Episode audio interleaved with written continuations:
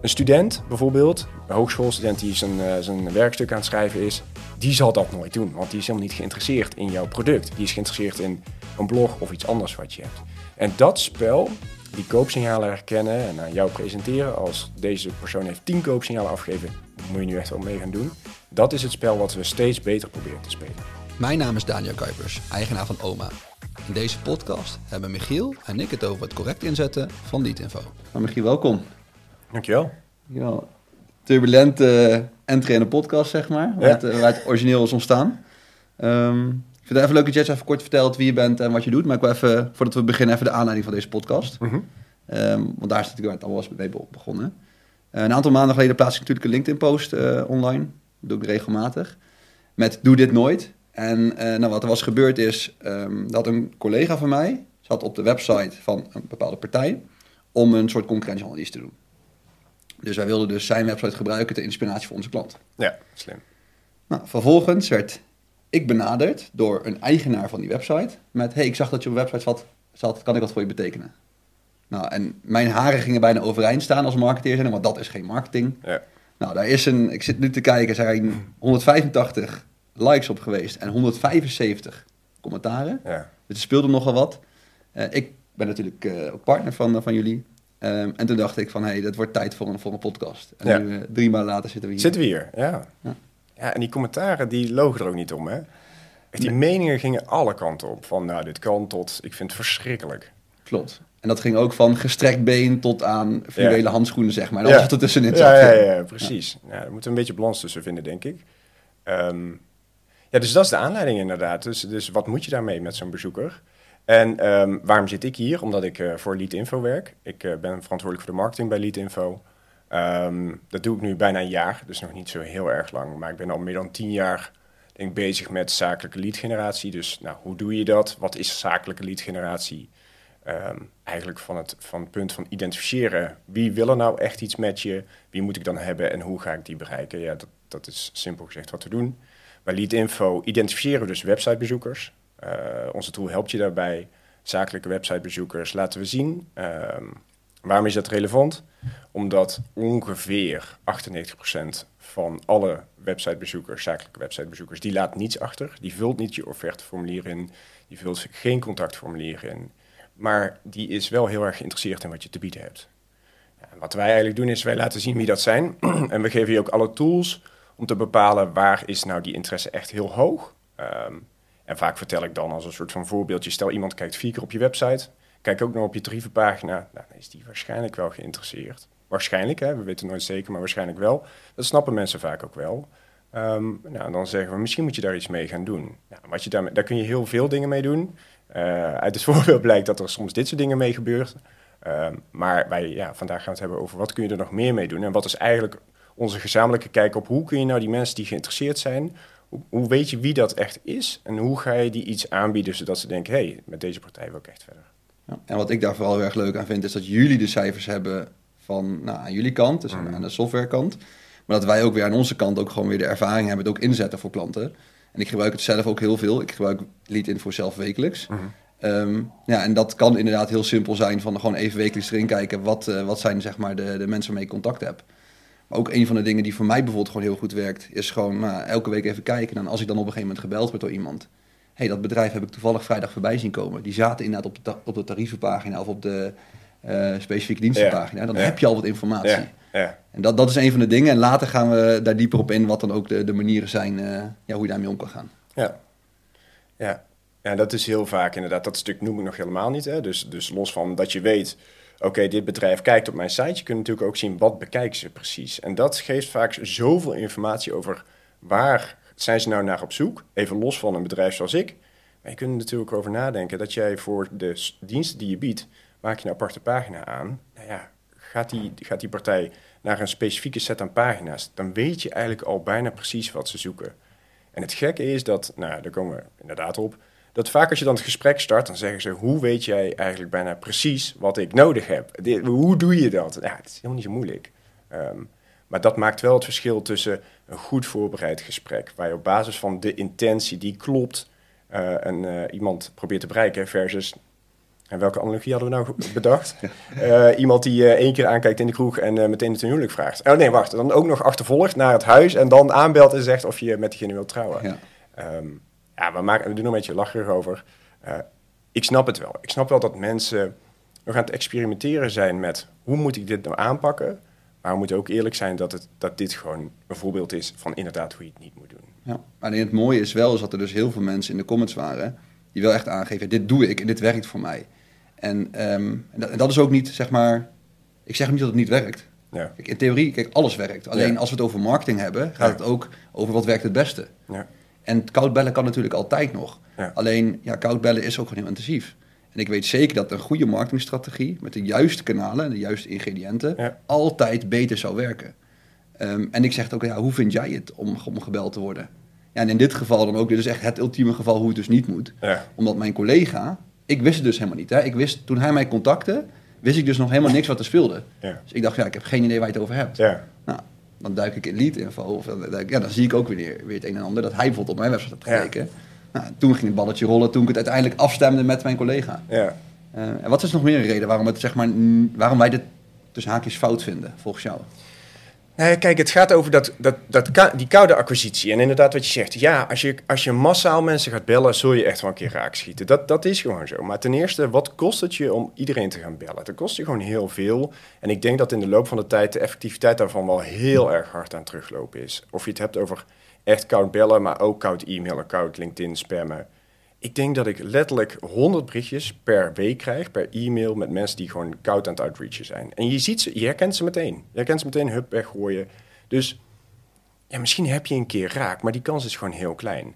En ik denk dat wat het probleem wat daarbij komt kijken is, als je een bedrijf, een gezond bedrijf bent, waar je marketing en sales samenwerkt, is dat de verborgen kosten van zo'n strategie, die worden neergelegd bij sales. Namelijk, je pompt heel veel troep richting sales. Mensen die eigenlijk helemaal niet geïnteresseerd zijn. Ik heb hier 100 leads, die heb ik koud gereached. Doe even een demo met al die gasten. Weet je wel, 100 keer een half uur een demo. Wat sales gaat zeggen, ah, ja, 90, 95 procent wil niet eens gebeld worden. Dus wat ben je aan het doen? Dus het is aan de voorkant, denk ik, dat het ineffectief is. Maar later in elke, nou, in de pipeline, zeg maar, bij sales of alles wat daarna komt, worden pas de echte kosten eh, gemaakt. Ja, en dat, dat, dat zie je helemaal niet. En daarom vind ik dit soort aanpakken gewoon niet heel lekker.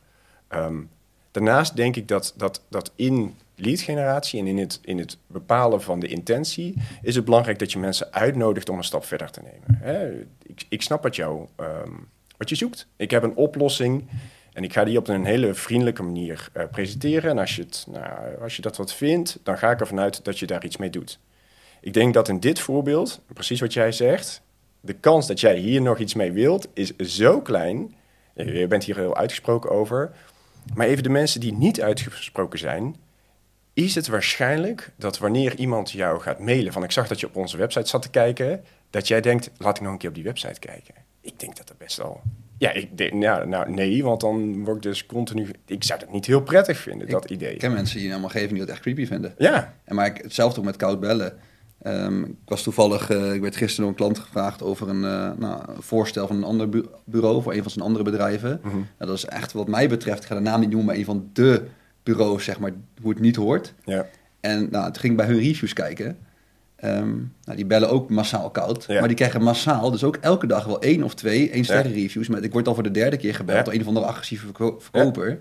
Die alleen maar sales toepast. ja.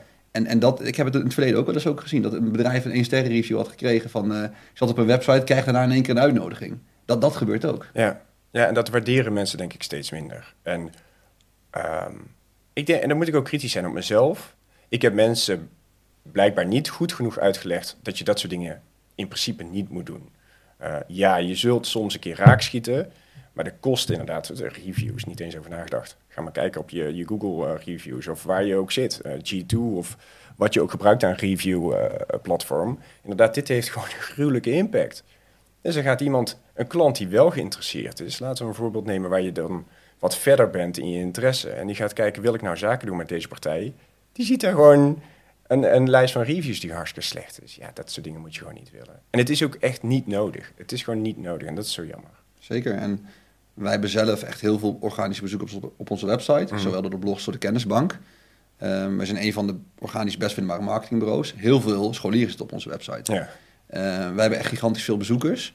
Ehm, dus ik, ik, ik zie daar ook heel veel gebeuren. En ik zie gewoon heel veel bedrijven, ook op onze die stukje k- k- kennis en informatie komen halen. Ja. En die kunnen misschien ooit wel eens klant worden, maar Ja. het kan misschien wel een twee of drie jaar traject zijn. Ja. En ik denk ook dat, zeker als ik naar de historie kijk van mensen die bij ons klant worden, onze beste klanten, de klanten waar wij het meest blij van worden, die spenderen gewoon vaker tijd online eh, in, het, in het proces, in het beoordelingsproces, welke partij ze voor kiezen. Dus ik denk Ja. ook persoonlijk, als jij dus, zodra iemand één keer jouw website benadert, of heeft, heeft bezocht, Mhm. die persoon benadert, dat de kwaliteit algemeen ook lager zou zijn van de klant die wel overwegende de keuze maakt, wel dat e-book van je downloadt, Ja. wel het kennismakingsgesprek heeft gepland, in plaats van dat jij de, de initiatief neemt. Ja, 100 procent. 100%. Ik denk dat het. Ik denk, eh, ja, helemaal eens. Ehm, en ik denk, hoe beter jij begrijpt wie de klant is en ook hoe die past bij jouw bedrijf, ja, hoe uiteindelijk succesvol de relatie gaat worden. Ehm, ja, helemaal eens. En ik denk dat, dat daar de truc is. Kijk, we moeten. Een, een, bezoek van je website en vooral meerdere bezoeken is een enorm sterk intens signaal. Hè, wat dat, dat clichévoorbeeld van vier keer bezoeken en dan eh, ook nog je tarievenpagina. Dat moet je willen bereiken. Eh, alleen de meeste websites, moeten we ook eerlijk over zijn, die, die doen dat nog niet heel lekker, zeg maar. Dus als je dan zegt, ik wil zoveel mogelijk interactie met mijn klanten of met mijn eh, prospects, om te bepalen, A, is hij geïnteresseerd en B, past hij bij mij? Dan moet je naar gaan denken van, wat ga ik hem bieden? Hoe ga ik die nou ja, conversatie starten of hoe, wat, wat bied ik hem om een stapje verder te, te, te nemen? Maar op een of andere manier denken mensen dat zodra ze, en dat is met heel veel marketingtools, zodra ze ergens mee beginnen, dan, eh, dan, eh, dan komt het geldje binnen. Precies wat jij, eh, wat jij ook zegt, van wij groeien liever elke dag 1%. ehm, dan dat we morgen gouden bergen beloven. Ja, dat is in ons geval ook zo. Kijk, als je het goed doet bij ons en er zorg en liefde in steekt, dat hoeft helemaal niet zoveel tijd te zijn. Maar je, neemt gewoon, e- je denkt gewoon even na en je zegt van, ik ga drie dingen doen. En ehm, ik ga even kijken of dat werkt. En na twee weken kijken of het heeft gewerkt. Ehm, dan kun je echt elke, elke dag kun je beter worden. Maar die tijd en energie en, en liefde, die steken heel veel mensen er helaas niet in. Ja, het is en, en ik denk ook dat als je naar andere tools gaat kijken, bijvoorbeeld een Hotjar Ja, en, en Google Analytics 4, ik denk dat het heel goed is om de verschillende tools te gebruiken, om ook te, bekijken van oké, stel je hebt dus een lokaal bedrijf wat in, ja, in jouw doelgroep past. Ja. Je denkt oké, dit is mijn ideale klant, Ja. bijvoorbeeld qua grootte. Nou, vervolgens zie je dat die persoon binnen, binnen Lead Info een specifieke pagina heeft bekeken, maar bijvoorbeeld redelijk snel is afgehaakt. ja, Dan is het niet zozeer dat je dan meteen die persoon moet gaan bellen van het is aan de hand. Nee. Nee, pak een andere tool, leg die er overheen. Oké, waarom matcht dit niet? Staan de USP's op die pagina? Vindt jouw ideale doelgroep, vindt die reviews belangrijk? Staan die bijvoorbeeld te laag? Ja. En ik denk dat, kijk, als je alleen lead info instelt of een andere tool... en je denkt, oké, dit is het, dat gaat het niet, niet worden. Je moet er actief mee aan de slag, kritisch kijken naar wat er op je pagina staat. Kritisch nadenken van, oké, hoe kan ik die 2% van die 100%... Hoe kan ik dat vergroten? Ja. Of hoe kan ik misschien überhaupt die 100% groep, het aantal bezoekers vergroten? Ik denk dat je daar constant mee bezig moet zijn. En Ja. anders is het heel krachtig om niet info te gebruiken voor marketing, sales, research of welke andere tak van je bedrijf. ja eens. Eens. Ja, helemaal eens. Ja, kijk, het, het voordeel is, is, wij hebben ook tools juist om te kijken van welke eh, pagina bezoek je en wat is daar ongeveer je gedrag. Maar eens dat het erom gaat dat je zoveel mogelijk moet leren over je klanten. Ehm, aan de andere kant, dat kan ook heel simpel. En ik vind jouw voorbeeld over, je hebt een bedrijf in de regio. Kijk, bij ons kun je eh triggers instellen. Dus je zegt bijvoorbeeld, mijn ideale klant zit, en dat is voor kleine bedrijven vaak zo, in een straal van 50 kilometer van mij. Want dat werkt gewoon lekker. Of heeft minimaal een omzet van een miljoen. Of ik weet het niet. Het kan van alles zijn. Dat kun je allemaal instellen. Eh, en dan kun je ook gaan filteren op, oké, stel een bedrijf voldoet aan die voorwaarden. Wat voor gedrag laat ze dan zien? Knalt iedereen naar de homepage eruit? Of gaan ze direct door naar pagina X, Y en Z? En dan kun je daar op, het, op de pagina zelf ook analyseren, met ons, met Hotjar, wat je wilt. Kun je kijken, wat gebeurt daar nou precies? En vindt iemand wat hij zoekt, ja of nee? Ehm, dan alsnog zou ik hem niet gaan mailen van, heb je gevonden wat je zocht? Daar zijn betere tools voor. Maar je kunt wel kijken, oké, dezegene die dus in mijn ideale klantprofiel valt, die heeft die drie pagina's bezocht, ook nog dat. Misschien kan ik zo'n LinkedIn-connectie maken. Dus niet meteen gaan spammen op LinkedIn van, hé, hey, eh, je wilt dit. Gewoon een connectie maken, kijken of dat werkt.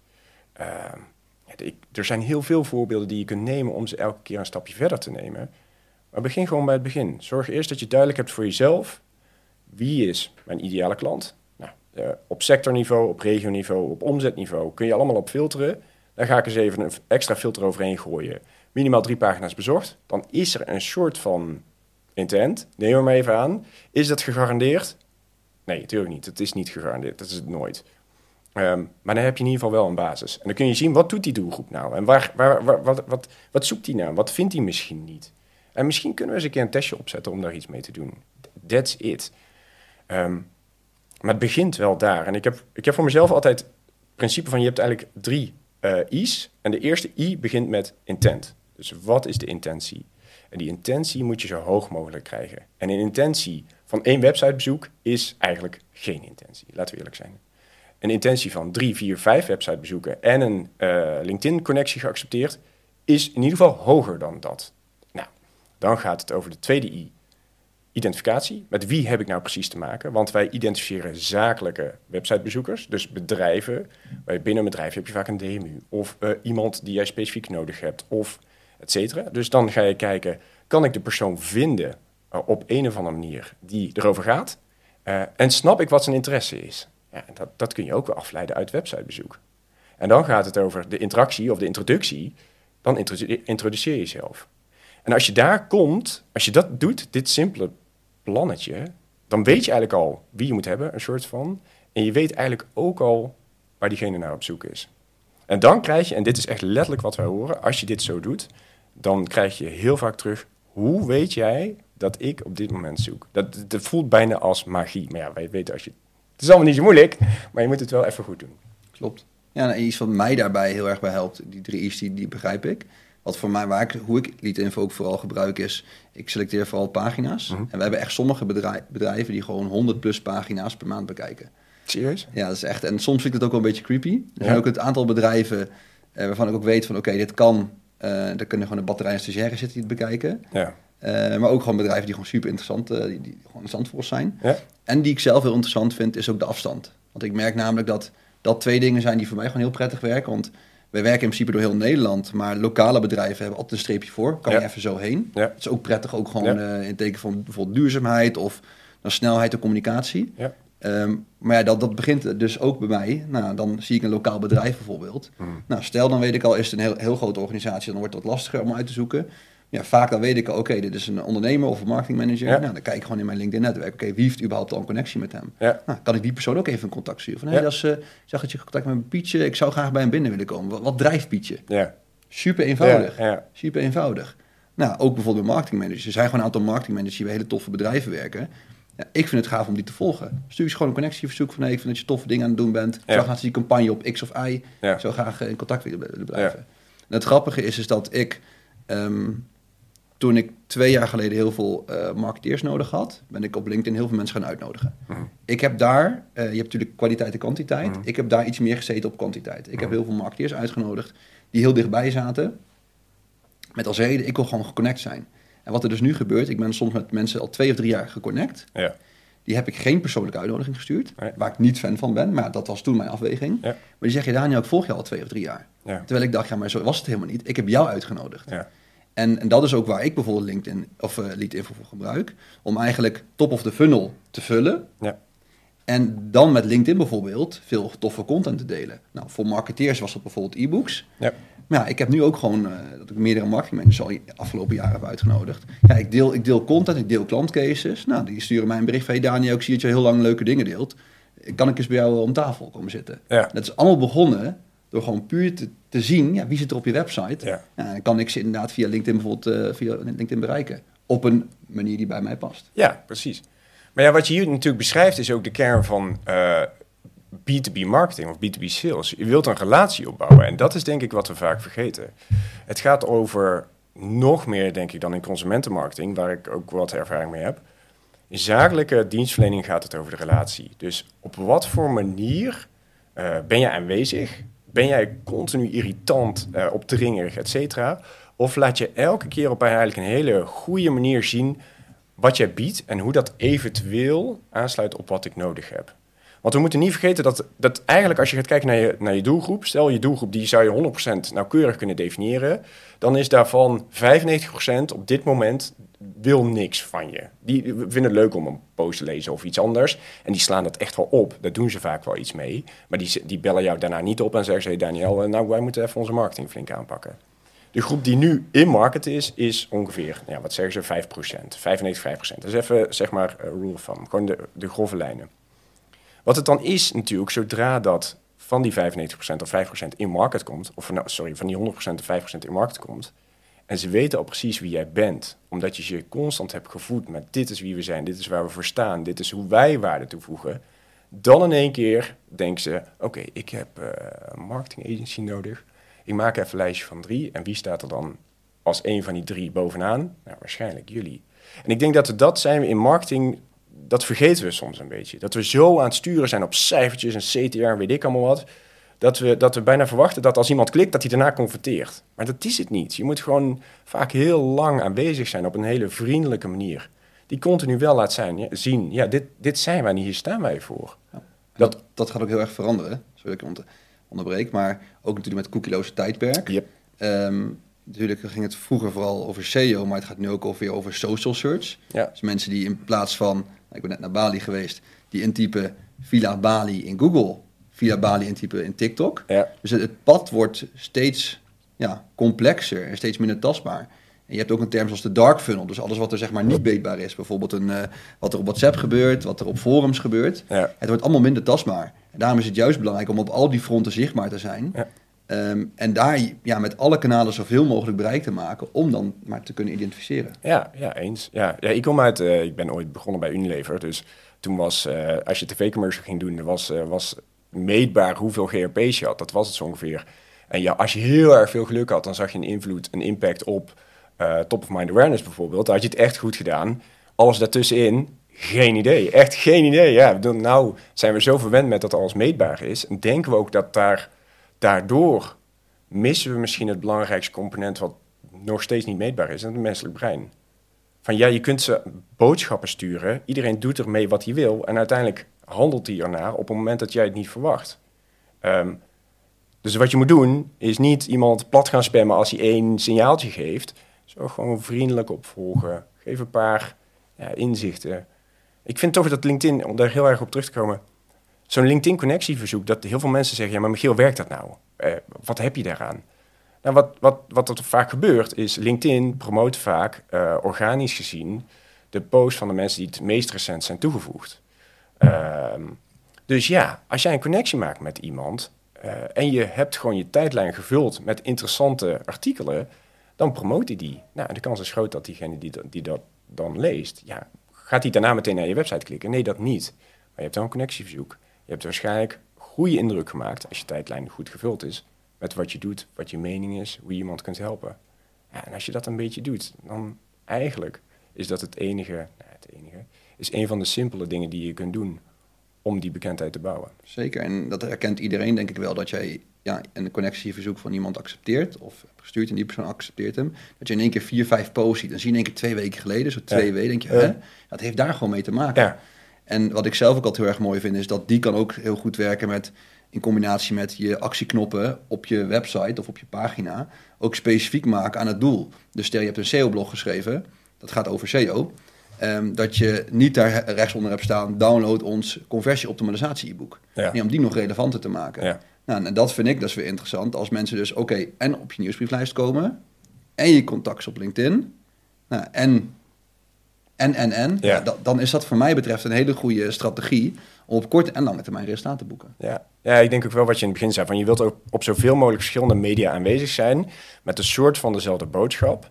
Ik denk ook, en volgens mij is dat ook wel eens onderzocht, dat de impact van twee verschillende media is veel groter dan eenzelfde boodschap twee keer op hetzelfde. Dus als je eerst iets op LinkedIn ziet en daarna op e-mail, en dat je herken je waarschijnlijk wel, dan beklijft dat toch beter. Uh, dus inderdaad, als je dat op elk punt waar iemand komt, zeg maar heel de tijd hetzelfde kunt zeggen, wat wel relevant is, en ook nog kunt koppelen naar ja, de, juiste, de juiste actie, dan ben je er. En dit klinkt altijd heel ingewikkeld. Tenminste, dat heb ik zelf. Hè.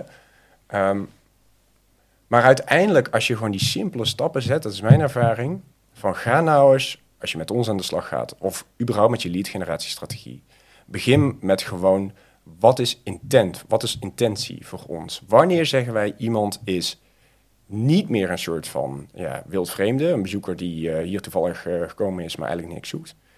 Maar waar zit nou in een groepje, gewoon in je bedrijf, zeg je gewoon als iemand vier keer je website heeft bezocht of iets anders, maakt eigenlijk niet zoveel uit.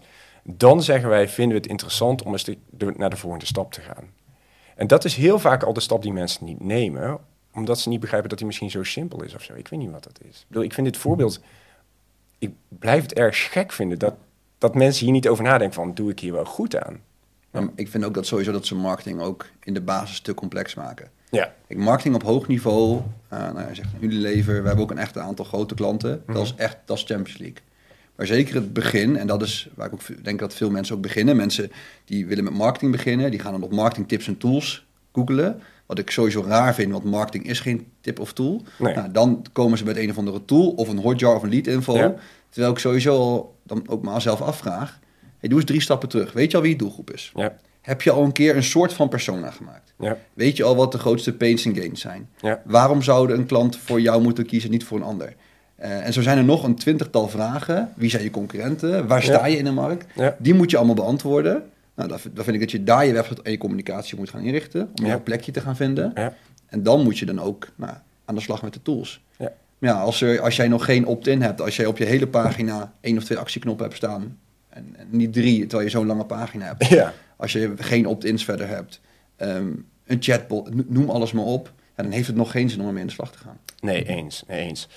Ik kan me ook voorstellen dat, dat als mensen horen, eh, heb je nagedacht over wie je persona is, dat ze al denken, "Oh, hoe doe ik dat dan? Weet niet, help me hierbij. Dat het eigenlijk, geef daar nu, geef je daar al een soort van antwoord op. Jouw onderdeel van jouw ideale profiel is een beetje in de buurt, eh, een bepaald soort bedrijf. En daar werkt waarschijnlijk iemand die zich bezighoudt met marketing.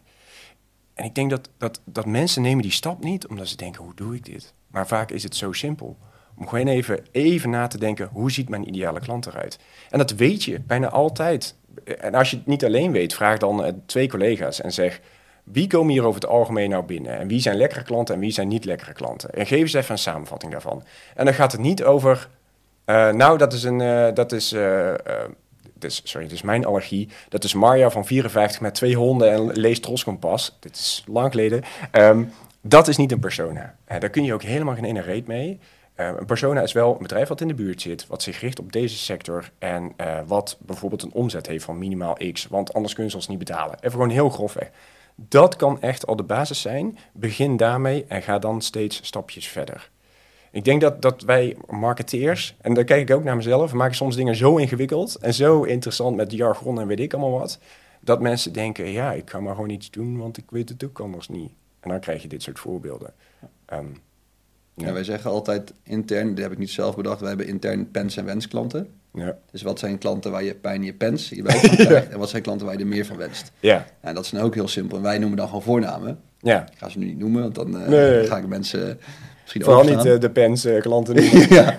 En dan is het inderdaad van, ja, dat is, dat is Pietje en dat is Jan. ja, Ja, nou, nou omschrijf die eens. ja, En ja, ik denk ook dat het verhaal wat je net uiteindelijk ook zei, dat dat ook gewoon, gewoon super belangrijk is. Je moet ook breder denken dan inderdaad die hond en die kat. Wij kijken ook heel erg naar, naar drijfveren. Dus wat drijft die persoon? Waar, wat zijn de grootste pains en gains? Wat bijvoorbeeld, wij hebben verschillende doelgroepen. Wij hebben een CEO, we hebben een marketingmanager. Ja. Eh, een van de dingen die we ook heel belangrijk vinden, is een marketeer. Eh, een marketeer die bij klantzijde zit, Mm. één of twee collega's eh, hebben, die waarschijnlijk niet allemaal generalist zijn, maar ook niet specialist. ja, En die wel de verantwoording richting de marketingmanager voor het MT hebben. ja. Ja, dat is voor ons een hele duidelijke doelgroep. Een Ja. van de dingen die voor ons daarbij het allerbelangrijkste is, is draagvlak. Hoe kunnen we zijn positie bij de marketingmanager belangrijker maken? ja. Nou, dan hebben we, hebben we- weet ik al precies hoe dat eruit ziet. Nou, dat kan je ook op die pagina zetten. ja. Nou, daar kan je bijvoorbeeld ook een e-book over schrijven. Ja, perfect. Maar ik, ik- hoe jij het vertelt, klinkt zo logisch. Ehm, en toch denk ik dat veel mensen denken, ja, maar hoe doe ik dat dan? En wat jij, dat voelt heel verfijnd. Eh, terwijl dat het oprecht, denk ik, als je gewoon letterlijk met een paar mensen in een ruimte gaat zitten bij jullie op kantoor, dan kom je hier vrij snel op, op deze definitie. En die stap moeten mensen maken. En je ziet dat hierin, los van met wie is nou mijn ideale klant, maar ook wat is onze definitie van intent. Dus wanneer is iemand waarschijnlijk eh, ge- geïnteresseerd in wat we te bieden hebben? Die twee simpele stappen, die nemen mensen al niet. Omdat ze op een of andere manier, of ze verwachten echt dat, dat dit werkt en denken, ik heb hierover nagedacht, maar dit is het gewoon.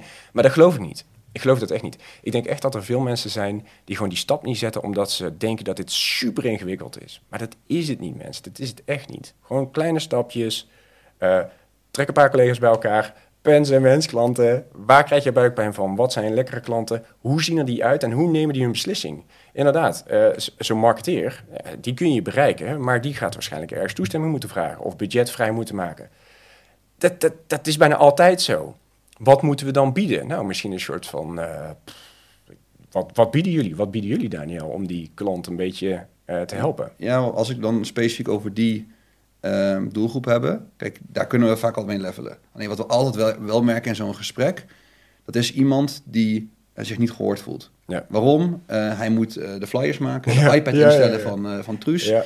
Ehm, Beurs organiseren. Ja, beurs, en maar ook SEO doen. En. Dus hij weet dat, die, dat SEO belangrijk is. Hij weet dat dat kan veranderen. Dat dat de business naar het volgende niveau kan gaan. Alleen hij heeft niet de inhoudelijke kennis. Ja. Dus ik merk altijd wel dat zo'n persoon vaak altijd onder ons gaat zitten. Nou, een, eerst van de eerste dingen die ik al in zo'n gesprek doe, om dat dan weer om te draaien. Want ik vind, ja, we doen het samen. Ja. Eh, en, en daar gewoon heel duidelijk te geven van, oké, ja, wat zijn de dingen die moeten gebeuren? En ook in welke volgorde. Want, en vooral die laatste is belangrijk, want de marketeer weet altijd wel, SEO en CA kunnen, zijn belangrijk. Ehm nou, CA hebben een nieuwe campagnes, ik noem al dingetjes, maar in welke volgorde? En ook, hoe kunnen we dat uiteindelijk verantwoorden richting zo'n marketingmanager? Ja. Dus als jij 1000 euro advertentiebudget hebt en Ja. je, je kan daar 1000 bezoekers verkopen, nou, wat kan de potentie daaruit zijn? Ja. Nou, terug naar die 98-2% regel. Mhm. Stel dat 2% converteert. Nou, we gaan even uit van een B2B. Stel dat uiteindelijk 1% klant wordt. Dan weet je dat die 1000 euro misschien wel 20.000 euro kan opleveren. Ja. En als je dat soort rekensommetjes, ik merk dat dat bijvoorbeeld ook gewoon heel goed werkt. Maar ook gewoon een heel duidelijk een voorstel. Met dit gaan we op die manier doen. Ehm, want wat je anders krijgt, dat merkte ik ook in, het, eh, in, eh, bij gesprekken die ik ook heb. Dan krijgen ze een, of een heel kort voorstel of iets heel complex. Ja. En dan moet ze dat gaan bespreken met de marketingmanager. Ja. Ja, en dan, dan is daar ruis op de lijn. En dan Ja. schiet het ook niet op. Ja. Ja, en dan, dan zul je altijd zien, dat ja, we kiezen voor een andere partij. Dus ik merk ook dat een, een duidelijk stappenplan ook altijd goed helpt. Ja. En dat is ook de reden voor ons waarom wij zoveel content delen voor die marketeer. Ja. Want die wil informatie, die wil alles weten over GA4. Want die heeft niet de tijd om GA4 te leren. Eh, ik heb een e-book geschreven over SEMrush. Ben ik affiliate van, dus ik verdien ook euro's aan, daar ben ik eerlijk in. Maar waarom? Wij weten dat er marketeers zijn die SEMrush aanschaffen... omdat ze denken dat het een magische pil is, en dat is het niet. Mhm. Die gaan ermee aan de slag. En die lopen helemaal vast. Die lopen vast. Maar Ja. met onze tips komen ze verder. hey, ik kan een site audit doen. Ja. hey, ik kan daarmee analyseren hoe mijn website beter vindbaar kan worden. Ja. hey, ik zie welke dingen verbeterd moeten worden. Nou, dan lezen ze weer een blog over de top 10 meest gemaakte SEMrush fouten. En, en dat, eh, daar geloof ik ook dat we in de toekomst veel meer heen gaan. Online marketing gaat veel meer over content. En dat is al jaren zo, maar ik denk zeker ook wat we net hadden over, over het koekieloze tijdperk en dat soort dingen. Het gaat veel meer over de juiste content die past bij de intentie van, van de zoeker. Ja, ja helemaal waar. En, en dit is de spijker op kop. En ik denk dat we hier ook wel een soort afslag ergens hebben gemist. Niet, ehm, niet jij hoor, maar het wild groeien aantal whitepapers die echt niks toevoegen, omdat iedereen roept content is het belangrijkste wat er is. Dat is volgens mij ook weer de verkeerde afslag. Ik denk, hoe jij het zegt, je moet dingen maken waar mensen naar op zoek zijn. En in dat ding wat je maakt, moeten mensen denken, hier kan ik wat mee. Dit lost een probleem op of... Eh, kan ik hier meer van hebben? Kan ik hiervoor betalen om het nog iets... Daar, daar maak je het verschil. Eh, omdat ik, ik merk zelf in mijn, mijn eigen werk dat iedereen wil whitepapers gaan schrijven. Ja, je moet een whitepaper hebben. Ja, waarom dan? Ja, gewoon, eh, weet ik veel. Dat werkt goed, heb ik ergens gehoord. En wat, wat los je dan mee op? En dan kom je terug bij het probleem, wat jij ook zegt. Wie is je klant? Wat wil die? Ja, onze primaire doelgroep is een marketeer, maar die heeft te maken met iets wat hij moet bewijzen. Nou, dan is het misschien wel handig om in de projectvoorstellen of in wat we aanbieden, om aan te tonen wat de waarde is van een eh, goed presterende SEO-strategie. Ja, en in ons geval is het, we hebben cijfers dat ehm 2% koudconversie, misschien, als je, het, als je heel, heel, heel goed doet, denk ik. Ehm, bij ons is het ergens tussen de 20 en 40 procent. Dus factor 10, factor 20 van conversie van klanten. En dat zijn over het algemeen ook betere klanten dan die eerdere klanten. Nou, als je zo'n business case kunt voorleggen aan een MT met een investering van een paar tientjes, ja, sorry, maar dan, dan, dan, dan heb je een heel ander verhaal. En ik denk dat dat is ook wat jullie weer beter doen. Je zet tools in op een manier dat het iets oplost. In plaats van, ik heb ergens iets gehoord dat het moet te doen. En dat is natuurlijk wel vaak market, marketeers eigen. Nu is het eh, content en morgen is het weer iets anders. En webinars en een podcast, ook podcast. Ja. Dus ik hoop maar dat wij vandaag iets oplossen eh, eh, voor mensen die luisteren en kijken. Ja, nee, ik denk, het wel. En ik vind het dan ook leuk om, om de voor's en tegens zelf te kunnen accepteren. Mhm. Dus ja, wat jij toen straks al zei over koud bellen. Ehm, en ik zeg ook niet dat die dat strat- strategie totaal niet werkt. Maar ik denk dat gewoon dat de tijd... En ik heb hier ook nog een lijstje met dingen die we van tevoren even hadden besproken. Zoals Ja. LinkedIn, whitepapers, e-books, een webinar, een podcast. Het le- lees je gewoon zoveel meer op. En het is zelfs zo bizar. En dat was voor mij ook een eye-opener. Ik had denk ik een eh, maand of twee geleden een eh, salesgesprek met iemand. En die deed vanaf seconde één best wel amicaal. Mhm. En ik kon het niet plaatsen. Mhm. En eh, nou ben ik niet ehm, de meest sociale persoon op aarde. Maar ik ben ook niet helemaal gek en niet uh, mensenschuw. Dus ik was gewoon netjes het gesprek op mijn eigen manier. En dat, dat liep gewoon lekker. Maar die man was zo amicaal en ik kon hem niet plaatsen. En toen op een gegeven moment uh, nou stelde ik de vraag... van, nou, hoe ben je dan bij ons terecht gekomen? Nou, dat bleek inderdaad zo. Die is ooit op een website terecht gekomen. E-boekje gedownload. Ja. En heeft nu al 15 afleveringen van mijn podcast bekeken. Ja, dus die kende je al. Dus, dus die kende al. ja. En nou, dat, gesprek was zo... Ik heb nog nooit zo'n makkelijk salesgesprek Ja. gehad. Want die wist al precies voor een aantal klanten. Ja. Die wist al van alles over hun hobbyprojecten. Die Ja. wist wat wij als agency zeg maar anders deden dan anderen. Ja, Ja, nou, kat nou, en buggy. Ja, ik heb, kon, het gesprek was, wat is het, 15 tot 20 minuten. Voorstel gemaakt. Klant geworden. ja. Ja, en daar, daar kan uren koud bellen niet tegenop. Nee, nee, zeker weten. Nee, helemaal eens. Ja, ja, we hadden heel veel vragen voorbereid. Hè. Volgens mij zijn we weer behoorlijk aan het afwijken. Maar, ehm, Ja, ik had nog wel een paar dingen die ik zelf ook heel Ja. interessant vind. En die ik ook vaker terugkijk als ik het met klanten over, Mhm. over lead-info eh, hebben. Mhm. Ehm, kan je wat vertellen over hoe eh lead-info zeg maar werkt? Want het is natuurlijk AVG-proef. Ja, Mensen denken, oh, ze kunnen mij volgen, maar ja. Daar kan je Nee. natuurlijk meer over vertellen. Ja, hoor. ja, het is AVG-proef. Eh daar voldoen we inderdaad eh, volledig aan. Kijk, eigenlijk wat we doen is, we identificeren op basis van eh, zakelijke IP-adressen die koppelen aan openbare data. Dat is eigenlijk heel simpel gezegd wat we doen. Ehm, dat doen we ehm, eh, al heel lang. Ehm, en we gebruiken daar dus echt alleen maar in wat AVG-technisch is toegestaan. We verwerken daarin geen eh, persoonsgegevens in de zin van we kunnen niet identificeren wie jij bent. Dus daarom zeg ik ook altijd, wij kennen bedrijven, geen personen. Soms kunnen we daarin een koppeling maken met LinkedIn, omdat op LinkedIn wordt publiekelijk toegankelijk ja, gewoon getoond, deze persoon werkt bij dat bedrijf. Maar wij weten het nooit 100% zeker op persoonsniveau. Dat weten we gewoon niet, want dat doen we niet. Gaat ook nooit, nooit, nooit, nooit lukken. Nee, dat mag gewoon niet. Nee, dat mag gewoon niet. Ehm, dus wat dat betreft, het is heel simpel gezegd, we koppelen IP-adres aan een zakelijk, eh, zakelijke data en die match maken we. En eigenlijk is het spel hier om zoveel mogelijk zakelijke data-connectiepunten te maken en zo, zo, zo, zo schoon mogelijk eigenlijk. Wij werken ook alleen maar samen met officiële dataleveranciers, dus geen, nou ja, eh, weet ik veel, vage, vage, ja, ja. precies, geen vage constructies. Uh, en omdat we dat doen, hebben we een hele hoge kwaliteit van data. En zijn we eigenlijk, ik denk in de Benelux, ik weet niet of ik dit mag zeggen. Ik, ik denk dat we, uh, nou ik weet eigenlijk bijna al zeker dat we de meest betrouwbare uh, website identificatietool hebben. Sowieso in de Benelux. Um, en ik denk ook daarbuiten. En binnen de Benelux hebben natuurlijk ook al een aantal partijen ook overgenomen. Dus een aantal concurrenten ja, zijn ja, van elkaar. Ja, klopt. Ja. Um, ik denk ook daarbuiten. En waarom is dat belangrijk? Omdat wanneer jij, nou ja, met die drie I's, hè, met de intent, wanneer jij aan het kijken bent, welke bedrijven komen er nou? En hoe kan ik dan naar de identificatiefase zijn van met wie heb ik te maken, even los van bedrijf, maar ook persoon? Dan is het natuurlijk best wel vervelend als je 9 van de 10 keer hoort, sorry, maar ik heb geen idee waar je het over hebt. Dus daarom is die nauwkeurigheid van de data en de herkenning voor ons echt het allerbelangrijkste wat er is. En daarom zijn we daar ook heel goed in. Ja, en voor mensen die nog lead-info niet hebben gebruikt, wat dat eigenlijk heel concreet betekent is... Nou, ik, open, ik doe dat elke vrijdag, elke vrijdagmiddag. Mm -hmm. voor mij een mooi vrijdagmiddagklusje. Mm -hmm. Wat ik dan doe is, ik ga dan naar afgelopen zeven dagen. Dat is ja. het interval waarin ik kijk, want ik kijk ja. in principe elke week. Uh, nou, ik klik dan een bedrijf aan en dan zie ik bijvoorbeeld rechts onderaan... zie ik dan bijvoorbeeld de 20 medewerkers staan die ja. er werken. Ja. Nou, een toevoeging die volgens mij niet heel lang geleden is geweest... is de, de, het vakgebied, specialisme. Mhm. Mm -hmm. Dus vroeger kreeg ik gewoon een lijst met bijvoorbeeld 15 mensen. Dan klikte ik die gewoon even aan om te kijken wat zijn dat voor mensen. Nu staat er bijvoorbeeld marketing, uh, administratie en dat soort dingen bij. Dus ik filter eigenlijk al meteen uit wie ik wil hebben. Uh, maar ik zie er bijvoorbeeld ook uh, de omzet staan. Bruto volgens mij, netto heb je ook nog een variant.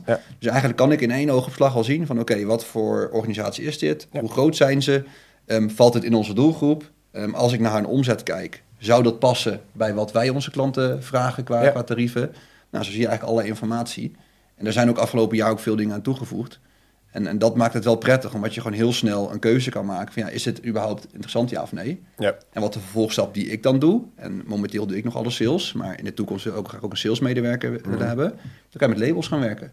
Dus ik doe dat elke week stevast, omdat ik gewoon heel makkelijk kan zien. Bijvoorbeeld alle hogescholen, want we hebben heel veel hogescholen op onze website zitten, Ja. zijn niet interessant. Nee. Zijn gewoon scholieren. Ja. Um, en het leuke is, wat ik ook heel gaaf vind, is dat we, dat is ook weer lastig. We hebben nu best wel B2B eh, mensen die op onze website zitten, en die gaan naar vacatures.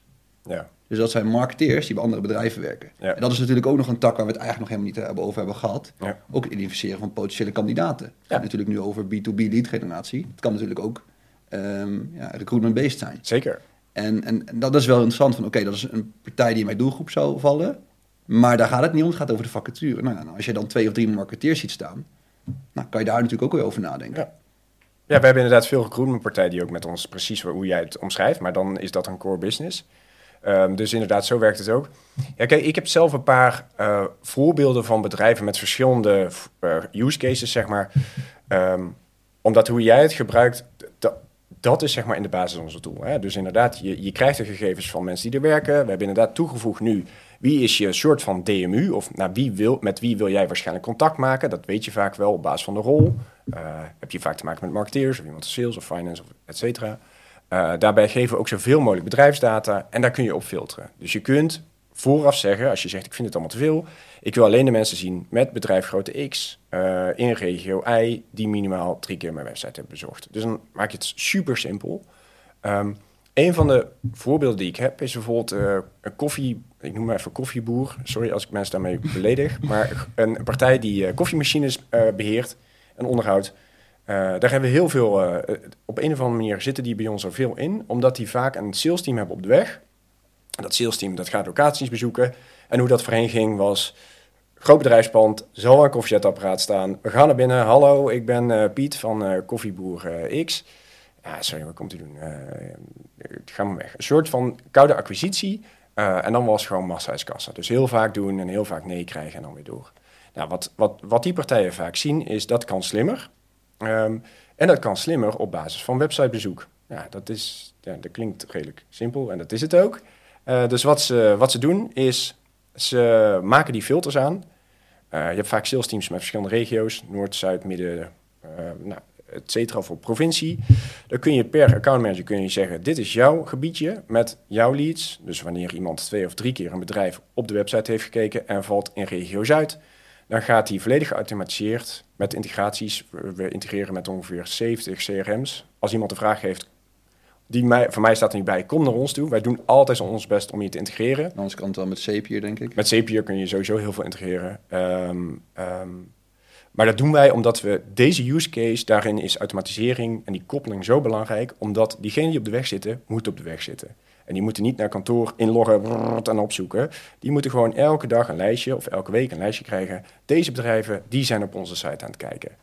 Is het dan zo dat ze nog steeds wel eens aanbellen en zeggen, waar heb je het over? En natuurlijk, dat is zo. Maar daar zie je echt gewoon factor 500.000 keer meer eh hitrate dan wanneer je dit allemaal niet doet. En dat is, dat is het zakelijk resultaat. Hè? Dus dat kun je aan elke, elke manager kun je dit verkopen. Die mensen op de weg, die krijgen een hele andere beleving van hun werkplezier. Die komen binnen, die voelen zich gewenst. Die snappen voor, vooraf vaak ook al waar ze naar op zoek zijn. Zijn, zijn ze naar een eh, Jura XL van 3000 euro op zoek of naar iets heel anders? Dus ze hebben zulke andere gesprekken. En dan is het helemaal lekker. En dat gebeurt ook vaak dat die mensen ook weer eh, de, de info terugkoppelen. Dus die zeggen, nou ja, hij was geïnteresseerd, maar niet nu. Hij wilde even kijken wat er mogelijk was. Eh, aanbesteding loopt af of contract loopt af. Notitie maken, hup, terugschieten en zo ga je door. En dit is zo'n praktische use case die eigenlijk alles soort van simpel goed doet. Ehm, ehm, waarbij het resultaat zakelijk, maar ook persoonlijk, mensen die gewoon echt met veel meer energie naar werk gaan, zo overduidelijk is dat ik hem altijd heel lekker vind. Ja. ja, en ook wel herkenbaar, want we hadden het natuurlijk overal over mijn LinkedIn-post, ging natuurlijk over het inzetten van lead info voor marketing. Mhm.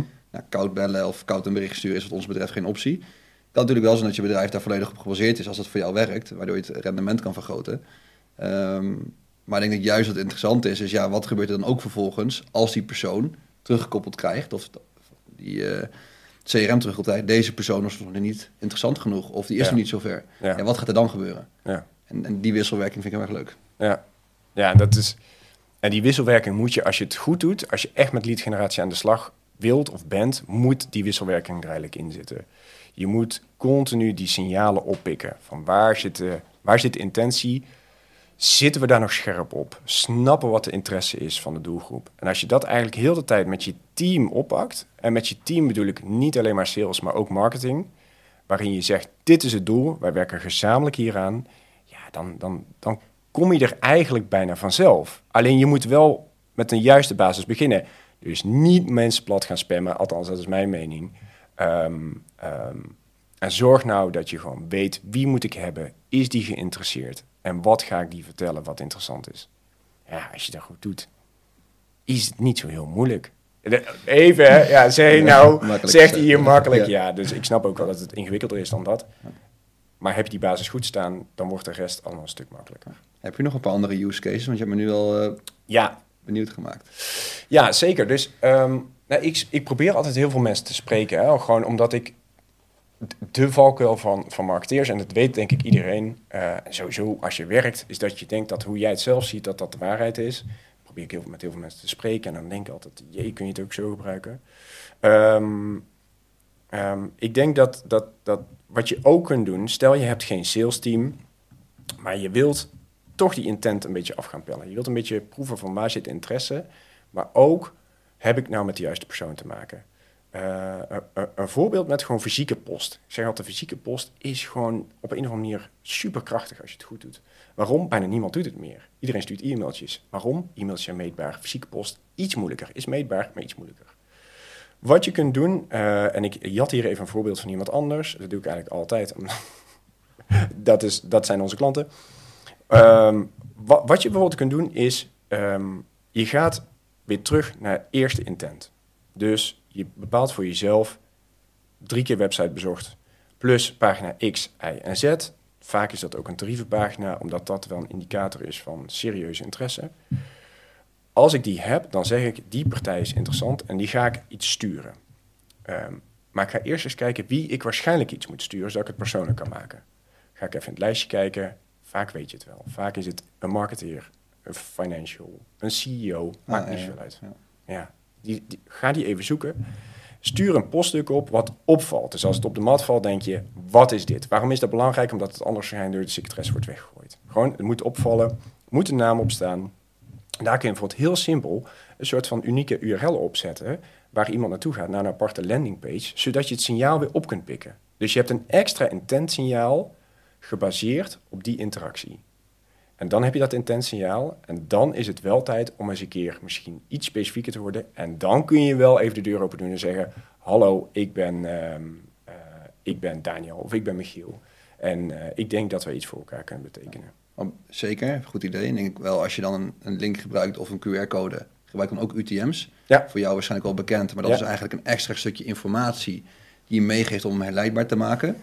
Eh, moet ik ook wel zeggen, ik had ook wel eh, tijdens mijn vakantie had ook iemand iets mij gestuurd. En die Mhm. belde me op, hey Daniel, ik heb je een pakketje gestuurd. Ik ben heel benieuwd wat je ervan vond. Ja, dat, Oké, ja. ik had al een paar keer contact met, met die persoon gehad. Nou ja, en ik, eh, ik waardeer dat heel erg. Ik vind dat wel heel erg leuk dat mensen de energie daarvoor insteken. Want ik open het pakketje, is het zakje snoep. Ja, En ik ga het even niet verder niet inhoudelijk want dan kan hij het ook misschien herleiden. ja, Maar ja, het ging inderdaad, er zat een zin op het kaartje die te maken had met de snoep. ja, ja. Ja, oké. Ja, een beetje flauw. Ja, Ja. ja. Nou, ik ben zelf bijvoorbeeld veganist. Ik eet snoep niet, want er gelatine in zit. Ja, ja. Dus kon je bij ook geen punten. Precies. Dus interesse was niet, de intent was er ook niet. Ja, Precies. Ja, en, Ja. Dat, en dit soort voorbeelden gaan bijna altijd mank, omdat die basisstappen niet genomen zijn. Omdat ze, je was, ja, je, had, je was niet op zoek waarschijnlijk naar wat ze te bieden hadden. Ze sturen jou gewoon iets en dan gaan ze erachteraan bellen.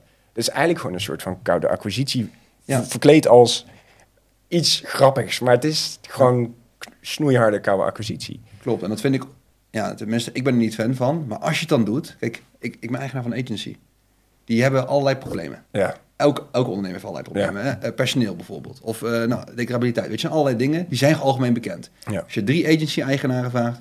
van, hey Pietje, jij gebruikt mijn software... zou ik je altijd vragen, wat zijn jouw grootste pijnpunten? Ja. Dat is ook een van de vragen die ook in mijn vragenlijst staat met salesgesprekken. Mhm. Wat zijn jouw grootste uitdagingen? Even los van marketing. Ja. Nou, soms spreek je met ondernemers, je hebt bijvoorbeeld personeelsproblemen. Om maar gewoon te begrijpen, wat, wat is hun dag tot dag gevoel? Ja. Waar zitten hun mee? Ja. Ja, en als hij een, bijvoorbeeld een, eh, een ondernemer heel veel moeite heeft om personeel te krijgen, dan stopt hij daar of heel veel tijd zelf in, Ja. of hij huurt een- bureau daarvoor in, wat Ja. misschien heel veel geld vraagt. Ja. Ja, dan kan je daar ook wel over nadenken, hoe voor jouw verhaal en dat, dat verhaal kan, kan passen. Ja, ja, ja, eens. Ja, wat ik misschien niet goed genoeg uitgelegd heb in dit voorbeeld is dat datgene wat je stuurt heeft betrekking op jouw zeg maar beoordeling van zijn of haar probleem. Dus je ziet dat hij drie, vier, vijf pagina's heeft bezocht. Dus, eh, en als je het goed doet, is je website zo ingesteld dat die ook zijn gekoppeld aan een soort van nou ja, problemen, hè, zodat je het kunt identificeren. Gewoon makkelijk gezegd, je hebt bijvoorbeeld vier pagina's die te maken hebben met het optimaliseren van je SEO, weet ik veel. Als iemand die alle vier bekijkt, dan kun je voorzichtig aannemen dat daar waarschijnlijk interesse ligt. Ehm,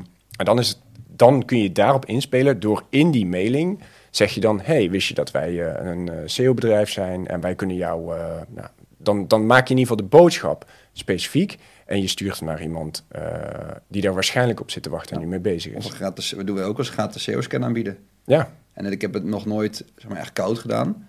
Uh, maar ik merk wel dat mensen die bijvoorbeeld... In, ik heb een, in een nieuwsbrief heb ik ook een aantal... Uh, natuurlijk al meetbare dingen zitten. Nou, dan zag ik ook aan een partij die echt in onze doelgroep viel. Die, las, die klikte vaak door. Mhm. Nou, die, die was ik toevallig connectie mee op LinkedIn. Nou, heb ik gewoon even op LinkedIn bericht gestuurd van... Hey, uh, op het goed met je gaan, bla, bla. Ik zag laatst een update over je bedrijf X of Y. hoe is het verder? Nou, gaat goed. Ja. Nou, Ja. hoppa, gesprek. Ja. Ja. Ik wil, ja, zitten toevallig te denken aan een nieuwe partner. Dus zo makkelijk kan het gaan. Ja, maar en dat is, dat is natuurlijk wel dat, de zakelijke relatie die je op moet bouwen. Ben je, ben, ja, en dat, dat, dat, dat spel gewoon, dat moet je goed spelen. En dat, dat kun je overduidelijk goed. Um, maar dat spel is dus ook niet een zakje snoep sturen naar iemand die, die, die niet kan eten en dan bellen: hey, heb je mijn pakketje gehad? Dat is geen relatie opbouwen. Dat is gewoon irritant zijn. Ja, ja en, in, en in, ik zit ook even natuurlijk de comments door te lezen die ik toen ook had gekregen. Um, wat ik ook heel erg mooi vond, is dat uh, mensen meteen mij op de vingers wilden tikken van... Ja, maar Daniel, kom dan met jouw use cases. En ik Ja. heb dat, denk dat ik die aantal, een aantal best wel heb genoemd. Maar een van de eentje die ik ook nog wel even wil benoemen... die ik ook echt meerdere keren heb getoetst... Mhm. is eigenlijk meer in je aftersales. Mhm. Dus stel je hebt al een klant, die neemt al SEO af... En nou, ik kijk een lead info. hey, Pietje zit elke keer bij ons op de website. hey, hij zit op Google Ads pagina's. Daar gaat de bel. die zit op Google Ads pagina's. Hij is een klant. Die wil klant worden. Kom maar. Zie je, zo snel kan niet info werken. Nee. Ehm, die, zit, die zit dus op Google Ads pagina's. En gewoon is die klant tijdens de wekelijkse meeting of maandelijkse meeting van... nee, uh, hoe loopt het met de andere kanalen bijvoorbeeld? Ja. Zijn er nog dingen waar je tegenaan loopt? Of um, hoe gaat het met je conversietracking? Ja. Ja, nee, ja, we zitten nu naar, naar uh, Google Ads te kijken, bla bla. Zeg, mag, zou, zou ik, doe ik regelmatig. Mag ik Ja. vrijblijvend even meekijken? Ja. Ja. Simpel. En dat werkt, dat werkt ook echt zo erg goed. En dat, dat, dat kan ook iedereen. Ja, maar, en, ja. maar dus wat je doet, gewoon is je, je, je, je, je weet redelijk goed dat dit speelt bij die partij op basis van het onderzoek wat je doet. Dus hè, je hebt die, die intent en de interesse, die, die heb je redelijk nou, zuiver. Uh, die toets je op een redelijk vrienden, vriendelijke manier en je biedt iets aan waarmee je hem verder kunt brengen. Ja, als je mij vraagt van hoe ziet een zakelijke relatie eruit, dan is dit zo ongeveer de definitie daarvan. Je begrijpt wat er speelt, je toetst even heel vriendelijk van is, is dit iets waar ik je misschien mee kan helpen? En je biedt hem iets aan waarmee hij een stap verder kan maken. Ja, dat, dat, ja sorry, maar dat, dat, is, dat is het spel wat gespeeld moet worden. Ja. Ja, dus ja, helemaal eens. Ja. Heb, heb je nog meer eh, voorbeelden? Ik leer er ook graag van. Ehm, ja, ik had even voor mezelf een lijstje gemaakt, maar een aantal dingen die ik gewoon heel belangrijk vond. En die hebben we eigenlijk wel allemaal denk ik besproken. Koppeling met CRM, ja, after sales, ja, eventueel automations, ja. ehm, retargeting. Zou het ook nog een aandeel in kunnen, kunnen hebben? Zeker, zeker. Ja, we, we kunnen nog dieper hoor gaan. Eh, nee, retargeting kan, eh, kan zeker. Dus je kunt rechtstreeks terugschieten naar... eh, of je kunt de lijsten aanmaken voor LinkedIn, voor Google Ads. Eh, je kunt je ook blijven voeden natuurlijk. Met, met dit, zijn, eh, dit zijn de klanten die ik wil retargeten. Werkt vaak heel goed. Dan is het wel goed om na te denken... wat wordt de tweede boodschap die ik ze wil aanbieden? Stel dat, ze, dat ik ze wil verleiden om nog een keer te komen. Hoe ga ik dat dan doen? Ehm, denk er ook niet te ingewikkeld over na. Dat hoeft helemaal niet. Eh, maar denk er wel even over na. Zeker. En eentje die ik zelf nog heel erg leuk vond is... kan jij met, met mij wat cijfers delen over zeg maar lead info? Want ik weet bijvoorbeeld ook de pop-up. Mhm. Ik ben persoonlijk niet heel fan van de pop-up. Mhm. Dat is mijn eigen mening, maar dat kan je misschien wel begrijpen... omdat ik niet hou van, van koud, zeg Mhm. maar. Het moet bij mij warmer zijn. Weet je bijvoorbeeld over hoe vaak die pop-up gebruikt wordt... wat dan bijvoorbeeld de interactie is... en wat een eventueel succesratio kan zijn?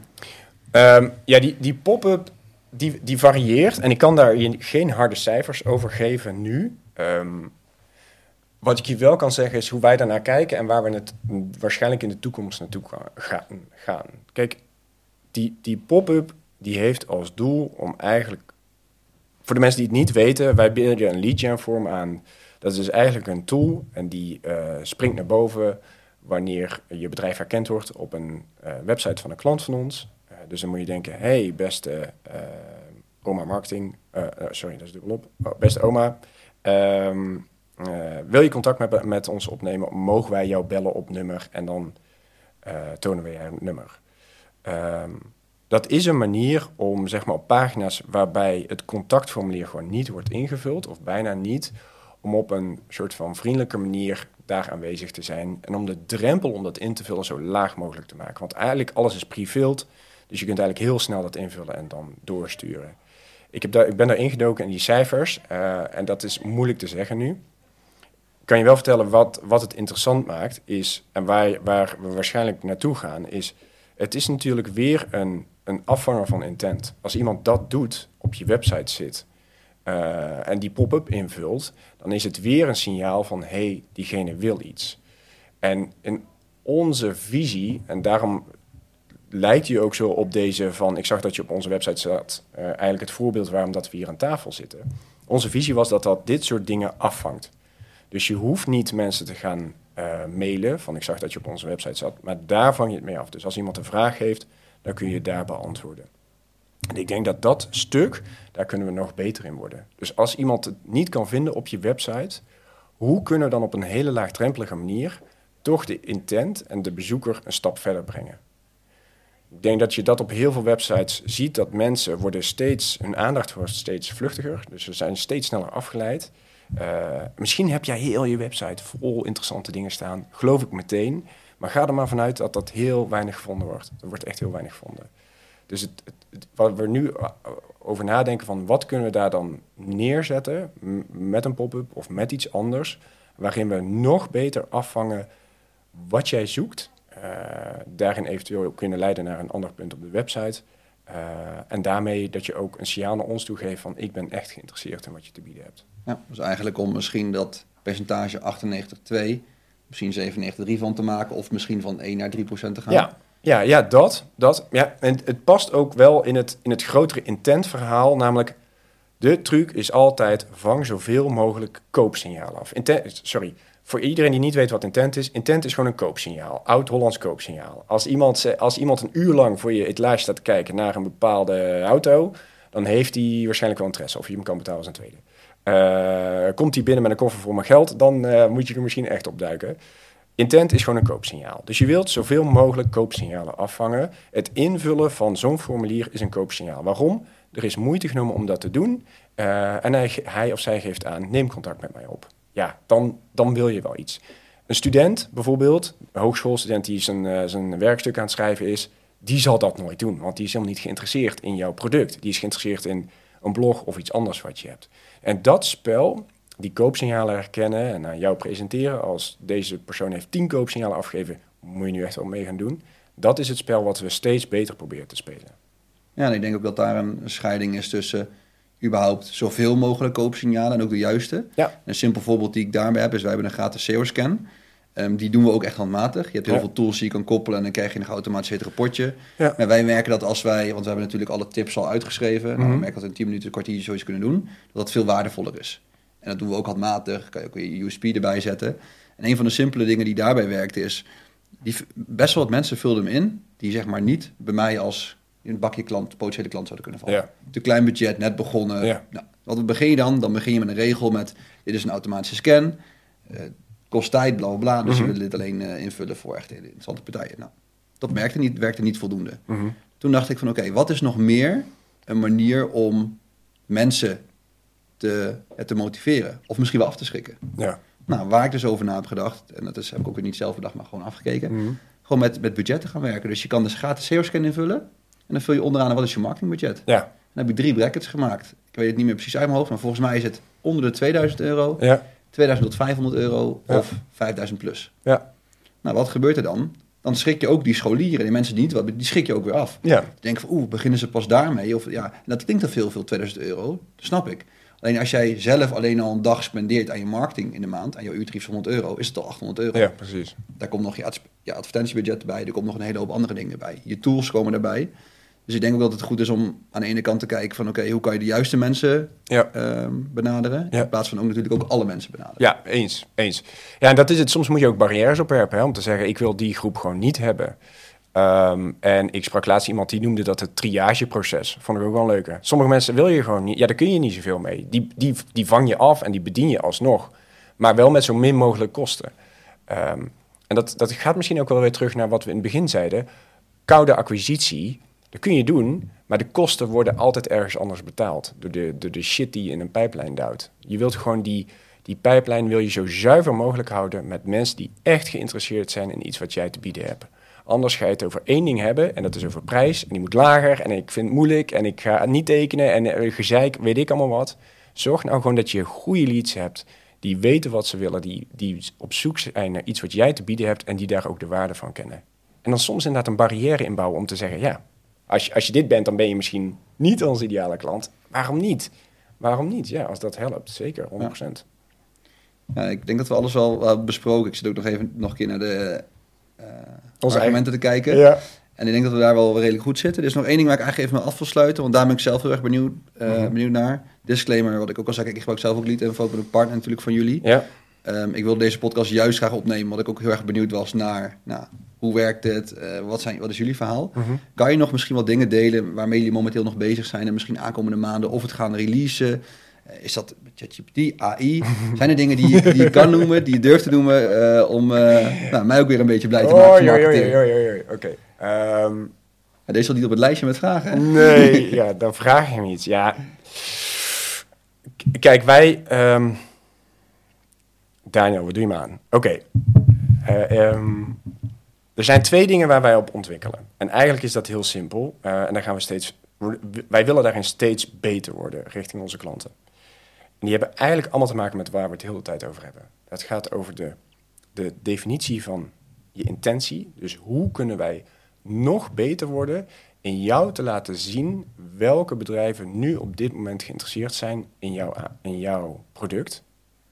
Dus dat is één spel wat we steeds beter gaan spelen. Is er dan ook, dan refereren we even naar de score die zeg maar, mensen krijgen. Want het- als je natuurlijk lead info gebruikt, Ja. dan krijg je ook op basis, zeg maar, elke lead krijgt een soort van score. Of die heel erg geïnteresseerd is, ja of nee, op basis van hoeveel pagina's Ja. en interactie en Ja. sessieduur. Ja, denk dat dat een belangrijke dan, denk ik, is. dat is een hele belangrijke. Dat is een hele belangrijke. En ik denk dat, dat, dat ehm, voor ons is die, die score eh, ehm, is heel belangrijk, omdat je daar heel slim en snel kunt laten zien.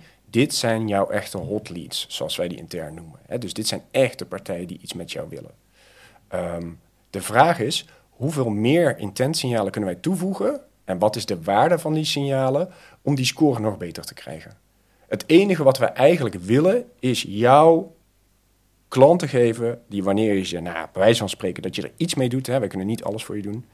Maar wanneer jij er iets mee doet, dat ze zeggen, je komt echt op het juiste moment en ik ben op zoek naar jou.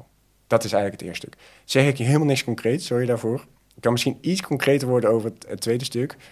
Ehm, alhoewel we daar ehm, nog heel veel aan het testen zijn. Tweede punt. Dus eerste gaat over intent. Dus wie is er nou geïnteresseerd? Uh, wat is de interesse daar? Tweede punt is opvolging, waar wij nu ook over hebben. Het punt van opvolging, dus met andere woorden, ik, heb nu, ik weet nu wie het is. Uh, ik heb de intent bepaald. Het voorbeeld was trouwens die intent niet bepaald. Dat was gewoon, hup, iedereen uh, een mail sturen. Intent is bepaald. Wat kan ik dan gaan doen? En wij zijn, uh, wij zijn daarin nu aan het ontwikkelen om te kijken hoe kunnen wij andere tools, um, en ik kan wel specifiek zijn, hoe kunnen wij LinkedIn inzetten om dat proces eigenlijk veel makkelijker voor je te maken, zodat je daar eigenlijk dat wij een stuk uit handen kunnen nemen, in hoeverre jij dat comfortabel vindt. Dat is waar we nu mee bezig zijn. Maar Daniel, dit is, uh, we hadden deze vraag niet voorbereid, dus ik moet een beetje vaag blijven. Dat snap ik. Nee, maar ik denk dat het ook de kracht voor jullie is. En ik zie natuurlijk ook wat jullie afgelopen jaren hebben gedaan. Kijk, zo kijk ik ook naar mijn onderneming. Je, je lost een bepaald probleem of uh, probleem op, of je hebt een bepaalde oplossing ergens voor.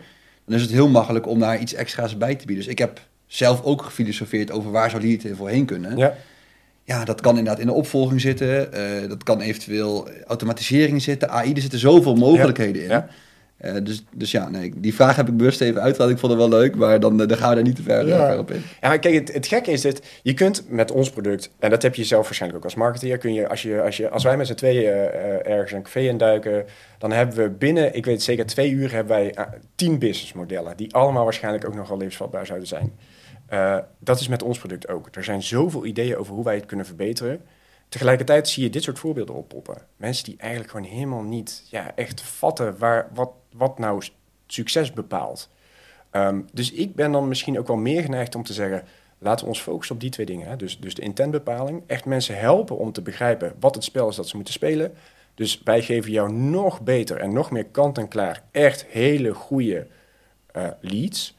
Ehm, en wij zorgen ervoor dat het nog makkelijker wordt om die op te volgen. Want dat zijn primair bijna altijd de twee pijnpunten waar mensen nu tegenaan lopen. Ehm leadkwaliteit, datakwaliteit, allemaal perfect. Weet je, alles, alles zit erin. Ehm, en dan is het altijd de vraag, ga je iets helemaal nieuws doen op basis van AI? Ja, dat doet iedereen. Laten we AI gaan doen. Ik sluit het niet uit dat we het ooit gaan doen. Ehm, maar ik denk wat wij nu zien gaat echt om die, om die basale dingen. Intent, leadkwaliteit, hele makkelijke opvolging. Dat is ja, de ontwikkelgebieden waar we nu even grosso modo op zitten. En ik denk ook zeker wel met AI en alles wat er gebeurt, kan er ook heel veel. Maar ook terugcirkelen, maar we eigenlijk al nu al vier keer, vijf keer heen zitten. Het begint wel bij de basis en die moet kloppen. Ja. En er zijn heel veel mensen die nog steeds naar tools en naar trucjes en tips eh, eh, gaan. En een van de dingen die ik misschien wel leuk vond, en die vond ik wel even leuk om te delen, maar blij dat die nu even opkomt. Wij zijn nu zelf dingen aan het testen om met AI eigenlijk op schaal gepersonaliseerde content te maken. Ja, cool. En daar zie ik bijvoorbeeld voor die info ook iets heel. Ja. Weet je, gewoon een AI-tool waarmee je gewoon één video maakt van eh, nou, iets over je verhaal of iets Ja. over de pijnpunten of wat dan ook. En dat zijn wel hele toffe dingen. Alleen dat cirkelt wel weer terug. Dan moet je wel weten wie er aan tafel zit, wat zijn pijnpunt is. Ja. En kan je inderdaad ook op schaal echt gepersonaliseerde content maken. Want dat is ook weer een uitdaging. Ja, kijk, uiteindelijk heeft onze tool biedt alles om dit te doen. Hij kan zelfs heel... Stel, eh, er is... Ik, ik trouwens, er is een AI-CMS. Ik zei laatst van, er zou een AI-CMS moeten zijn. Dus dat je gewoon niks meer hoeft te doen. Eh, je zou kunnen zeggen, op basis van bedrijf kun je bepalen waar die zit. En kun je bijna je hele website dynamisch maken op basis van de bezoeker. Nou ja, waanzinnig toch? Ja, het gebeurt al. Ja. Ja, ja, dat is. En daar kun je onze tool, die, die speelt daar de centrale rol in. Eh, dus, dus zeker, dat is de toekomst. Ik denk alleen waar we nu voor staan, is dit soort voorbeelden. Dus, dus dit soort voorbeelden van gewoon bedrijven die het echt wel serieus bedoelen. En, en ik wil ook nogmaals die marketeer of salespersoon die dit heeft gedaan niet helemaal afzeiken. Want dit is iets wat heel veel voorkomt. Maar dat betekent ook dat daar nog gewoon werk te doen is. Daar is gewoon heel veel werk te doen. Mensen die, die als wij het hier gaan, eh, gaan bijna gaan, gaan, gaan dagdromen over wat AI allemaal kan, die denken ja, ik ben inderdaad, eh, eh, ik ben Linda eh, van marketing, ik zit hier in mijn eentje, ik moet drie folders ontwerpen, volgende week heb ik twee beurzen en ik moet dit en dit en dit doen. En dit ook nog, ik doe ook mijn best. Help me nou gewoon op gebied van lead generatie maar een paar stappen te zetten, dat ik het echt een stuk beter kan maken. En ik snap dat de toekomst op AI ligt. Maar ik zit nu nog hier in mijn, in mijn, eh, in mijn eentje dingen te doen. Of mijn sales team, ja, schiet alle kanten op. Wel. Die, ik denk dat we daar, mijn, mijn eh, persoonlijke visie is dat we daar echt heel erg veel mensen kunnen helpen als we dat een stuk beter maken. Zeker, en dat vind ik ook echt wel mijn verplichting, maar ook de verplichting van nou, de hele online marketing tak in Nederland en daarbuiten. Ja, daar, daar moeten we samen hard aan werken. Want er Ja. gebeuren gewoon inderdaad heel veel dingen die, eh, die gewoon niet horen. Ja, helemaal eens. Nou, ik ben mooi om mee af te sluiten. Ja, ik ook. Mooi afsluiten. Aslan, bedankt voor je, voor je tijd. En eh, nou, ik vond het een hele leuke podcast. En eh, ik ga natuurlijk even, als hij li- online staat, even reageren in de comments met een linkje.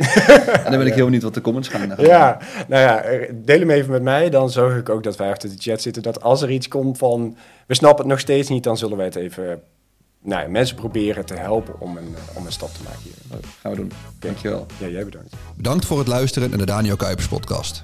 Mocht je dit een toffe podcast vinden, volg dan mijn Spotify playlist, abonneer op mijn YouTube kanaal of deel met vrienden. En wil je meer weten over OMA? Ga dan naar onlinemarketingagency.nl.